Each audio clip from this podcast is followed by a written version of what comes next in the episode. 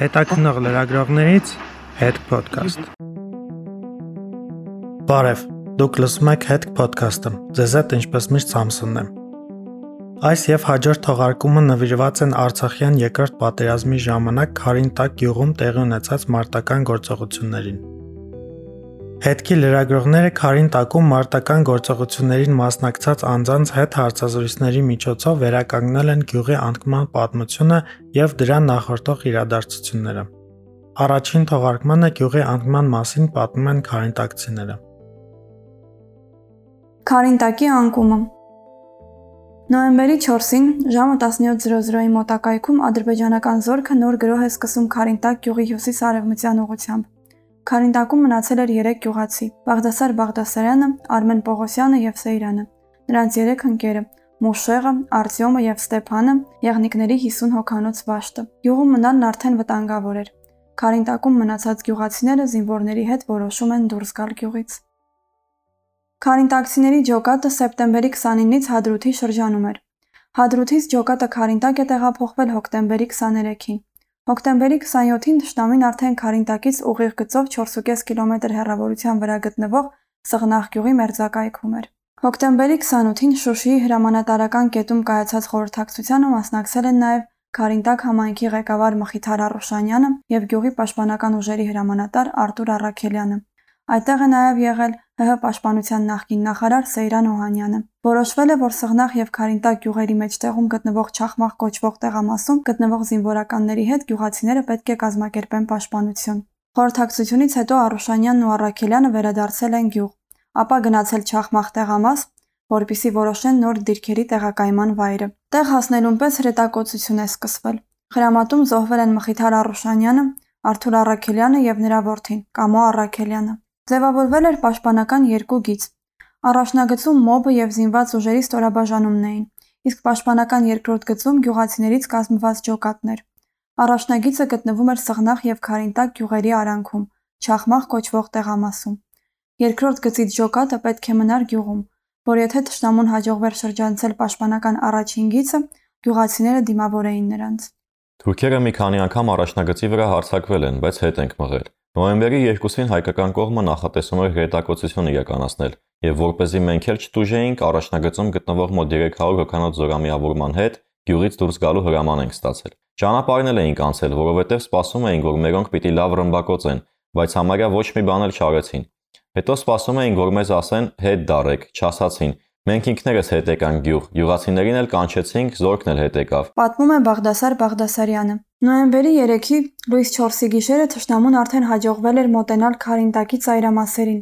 Յուղը հրետակոծվում էր տարբեր կողմերից։ Նոյեմբերի 4-ի առավոտյան թշնամին հարցակում է նախաձեռնում գյուղի ներքևից, Սղնախ Քարինտակ ճանապարհի գյուղ մտնող հատվածից։ Այդտեղ գյուղի ջոկատի տղաներն էին գիծը պաշտպանում։ Առաջին գրոհը հետ է մղվում։ Թշնամին չի կարողանում մտնել գյուղ։ Հետ է քաշվում, սկսում նորից հրետակոծել։ Նոյեմբերի 4-ին կեսօրից հետո աջ թևի դիմացը պահող զորքն էլ նահանջեց մոտ 250 օքանոց մոբն էլ։ Հրամանատարին հարցրի ինչի եք ելել, ասեց հրաման ենք ստացել, պիտի դուրս գան գյուղից։ Գնդապետ Արմեն Բարխուդարյանն է հրաման տվել, որ այդ 250 օքանոց մոբը դուրս գա։ Վերջին զորքն էր մեզնից բացի։ Մի երկու ժամ այդ տղաներին մոտս պահեցի, ձգձգեցի, որ դուրս չգան, չստացվեց։ Այդ գնդապետը զանգեց, ասեց ինչի՞ չես թողնում դուրս գան։ Սկզբից վախեցրի, որ չեմ թողնելու դուրս գան։ Բացատրեցի, որ պիտի մնան ստեղ, չստացվեց։ Գնդապետն ասեց՝ թողիանք դուրս գան, ես ձեզ օգնություն ուղարկելու եմ, մինչև այսօր ուղարկումը։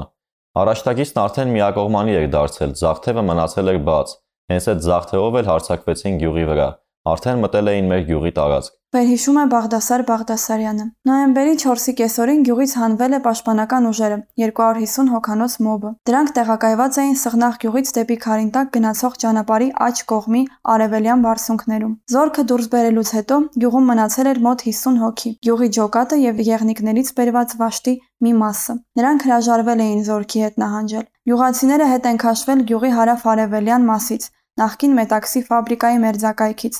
տեղափոխվել են հյուսիս-արևմուտք, գյուղի նոր թաղամասի կողմում։ Գնդապետ Արմեն Բարխուդարյանի հրամանով մոբի ստորաբաժանումը դուրս է եկել գյուղից։ Նա Քարինտակի ջոկատի տղաներին ասել է, թե գյուղից դուրս գալու հրաման են ստացել։ հետո իրենց օգնություն կուղարկեն։ Մեր բազմաթիվ փորձերը գնդապետ Արմեն Բարխուդարյանից բարձաբանումներ ստանալու ապարդյուն անցան։ Նա հերախոսազանգերին եւ հաղորդագրություններին չի պատասխանում։ Գյուղի ջոկատի մի մասը զորքի հետ նույնպես դուրս է եկել գյուղից։ Ժամը 17:00-ի մոտակայքում ադրբեջանցիները հարձակում են նախաձեռնել պաշտպանական աճ թևի վրա։ Մարտը շարունակվել է։ Սկսել է մթնել։ Թշնամին դանդաղ փորձել է օղակի մեջ վերցնել տղաների դիրքը։ Խոստացված օգնությունը չի եկել։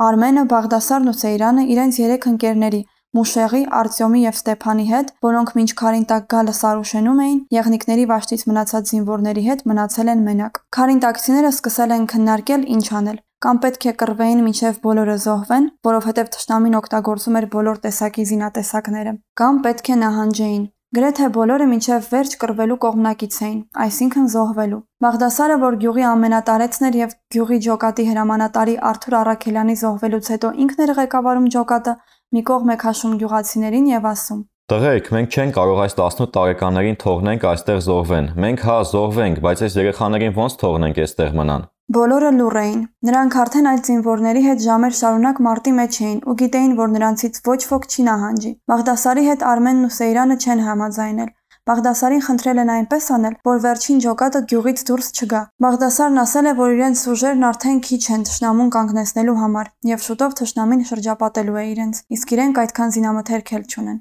Մարտերը երկար շարունակվել չեն կարող։ Բաղդասարի աչքերը ջրակալեցին, ասաց խնդրում եմ, բերես տղերքին հանենք ստեղից։ Ես իմ կյանքն ապրել եմ, բայց տղերքը աղբորպես, արի ես տղերքին հանենք ստեղից։ Ես ասում եի մեր գյուղ կյանքում թուրք չի մտել։ Ոնց թողնենք։ Պատմում է Արմենը։ Որոշել են նահանջել դեպի Շուշի։ Ժամը 21-ին հասել են Շուշիի մուտքի մոտ։ Եղնիկներից եկած վաշտը մնացել է այդտեղ։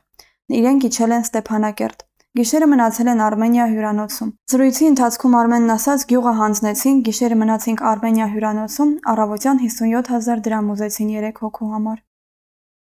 Առավոտյան հյուրանոցի սրահում պատահաբար հանդիպել են փոխվարչապետ Տիգրան Ավինյանին։ Արմենի ընկերներից մեկը՝ Մուշեղը, որ պատերազմին մասնակցելու համար Մոսկվայից էր եկել, Վիճաբանության է բռնվել Տիգրան Ավինյանի հետ։ Ավինյանն ասել է, թե Քարինտակը հայկական վերահսկողության տակ է։ Տիգրան Ավինյանին ես չէի էլ ճանաչում։ Մուշեղն ասեց փողվարչապետն է, ասեց տեսեք ինչ է ասում։ Ասում է Քարինտակը մերոնց ձեռքին է։ Ես ասում եմ, չգիտեմ, մերոնց ասելով դու ում նկատի ունես, բայց գիշերը վերջինը մենք ենք Քարինտակից դուրս եկել, որովհետև զորք չկար ու մենակ էինք։ Ոնց ես ասում Քարինտակը մերոնց ձեռքին է պատմում է Արմենը։ Նոյեմբերի 5-ի երեկոյան Արմեն Պողոսյանը Սեյրանի ու մի քանի տղաների փոխվարչապետ Տիգրան Ավինյանի գրասենյակի ղեկավար Վարակ Սիսարյանի հետ գնացել են Շուշիի վերևից դիտարկել ժայռի տակ գտնվող Խարինտակի անցուդարձը։ Վարագը մի քանի ժամ նրանց հետ կռվել է հակառակորդի դեմ, հետո ասել, որ պետք է գնա հանդիպման, որից հետո կգա եւ նորից կմիանա Արմենենց։ Սեյրանն ասում է, որ Վարագը Շուշիի քաղաքապետարան էր գնացել, հետո զանգահարել է տղաներին ու ասել, որ չի կարող վերադառնալ, քանի որ Շուշիում մարտեր են սկսվել։ Արմենի խոսքով գյուղում մոտ 40 ադրբեջանցի էր շրջում։ Մոտ 2 ժամ բարձունքից գնդացրով կրակել են նրանց ուղությամբ։ Երբ արդեն մութն ընկել է, մառախուղը ծածկել է գյուղը, տեսանելիությունը վատացել է։ Գյուղից Շուշի բարձրացող ժայռի վրայի արահետի տարբեր հատվածներում նրանք թակարդներ են տեղադրել։ Հետ եկել դիրքավորվել։ Ժամանակ առ ժամանակ առաջ են եկել կրակել արահետի ուղությամբ։ Ցերեկը ժայռի վրա տարբեր հատվածներում դիրքավորված զինվորներ են եղել։ Արմենը նրանց դիրքերի ուղղությամբ գնացել է, տեսել, որ դրանցում մարդ չկա։ Ձայն է տվել, գոռացել, ոչ մի արձագանք։ Այդ տարածքում ոչ ոք չի եղել, մնացել են 5 հոգով։ Ժայռի վրայից տեսել են, որ ճանապարհով ադրբեջանական 4 մեքենայից կազմված ավտոշարասյունը գնում է դեպի Շուշի։ Արմենը սկսել է մեքենաների ուղությամբ անկանոն կրակոցներ արձակել, նրանց շեղելու համար։ Տղաները նրան ասել են, որ իրենց մենակ են թողել։ Արմենը չի հավատացել։ Տղաներն առաջարկել են լքել բարձունքը, քանի որ նորմալ զենք չեն ունեցել, զինամթերքն էլ վերջանում էր։ Մառախուղը փակել է գյուղի տեսանելիությունը։ Տղաները ռադիոկապ էլ չեն ունեցել։ Նրանցից մեկն Արմենին ասել է, որ հերրախոսով խոսել է ընկերոջ հետ, իրեն տեղեկացրել են, որ Շուշիում մարտեր են սկսվել։ Արմենը եւ 4 տղա իջել են բարձունքից շարժվել դեպի Շուշի։ Մութ է եղել։ Տարբեր տեղերից լսվել են կրակոցի ձայներ, սակայն པարզ չի եղել թե ովքեր են կրակողները։ Որոշել են Շուշին շրջանցելով իջնել դեպի Ստեփանակերտ, այնտեղ պարզել ինչ է կատարվում Շուշիում։ Կեսգիշերին հասել են Ստեփանակերտ, գիշերել հյուրանոցում, նորից վճարելով։ Նոյեմբերի 6-ի առավոտյան շարժվել են դեպի Շուշի։ Շուշիի մուտքի բենզալցակայանի մոտ տեսել են, որ հայկական զորքն իջնում է Շուշիից։ Սկզբում չեն հասկացել, թե ինչ է կատարվում։ Մեծ թվով զինվորներ իջնում էին ճանապարհով, քիչ վերևում կրակոցներ էին։ Այնպիսի տպավորություն էր, որ մարդկանց դիտավորյալ բերել են այդտեղ կոտորելու։ Ոչ մի օպերացիա կազմակերպված չէր։ Մենք մի քիչ էլ առաջ են գնում, այնտեղ մարդ էր։ Մենք էլ 5 հոգով կրվի ենք բռնվում։ Պատմում է Արմենը։ Զինվորներից մեկը կրվի ընթացքում վիրավորվել է։ Տղան Արմենին խնդրել է դուրս բերել իրեն այդտեղից։ Արմենը մտածել է ինչ գնով էլ լինի այդ զինվորին դուրս պետք է բերի։ Շտապօգնության 4 մեքենա է եկել, բայց տեղ չի հասել։ Ադրբեջանցի դիպուկահարը խոցել է շտապօգնության 5-րդ մեքենան։ Բարեբախտաբար ոչ ոք չի տուժել։ Արմենը վիրավոր զինվորին փորձել է տեղավորել մեքենայի մեջ։ Այդ ընթացքում թշնամին հրթիռակոծել է։ Արմենը ոտքի շրջանում տաքություն է զգացել։ Սկզբում թվացել է, թե ոտքն ինչ-որ տեղ է հարվածել, բայց հետո զգացել է, որ վիրավորվել է։ Հրթիռակոծության ժամանակ շտապօգնության մեքենան շարքից դուրս է եկել։ Մուշեղը Արմենի ընկերը շալակել է վիրավոր զինվորին, հանել կռվի դաշտից, ապա վերադարձել Արմենի մոտ։ Արմենն այդ ժամանակ ոտքից երկրորդ անգամ է վիրավորվել։ Հեռախոսով կապվել է ընկերների հետ ու տեղեկացրել, որ վիրավորվել է։ Ինձ քարշ տալով հասնում եմ տղաների մոտ, օգտում գցում են ուազի մեջ, տանում են հիվանդանոց։ Պատմում է Արմենը։ Ստեփանակերտի հիվանդանոցում Արմենն իմանում է, որ ադրբեջանցիները Շուշիում են։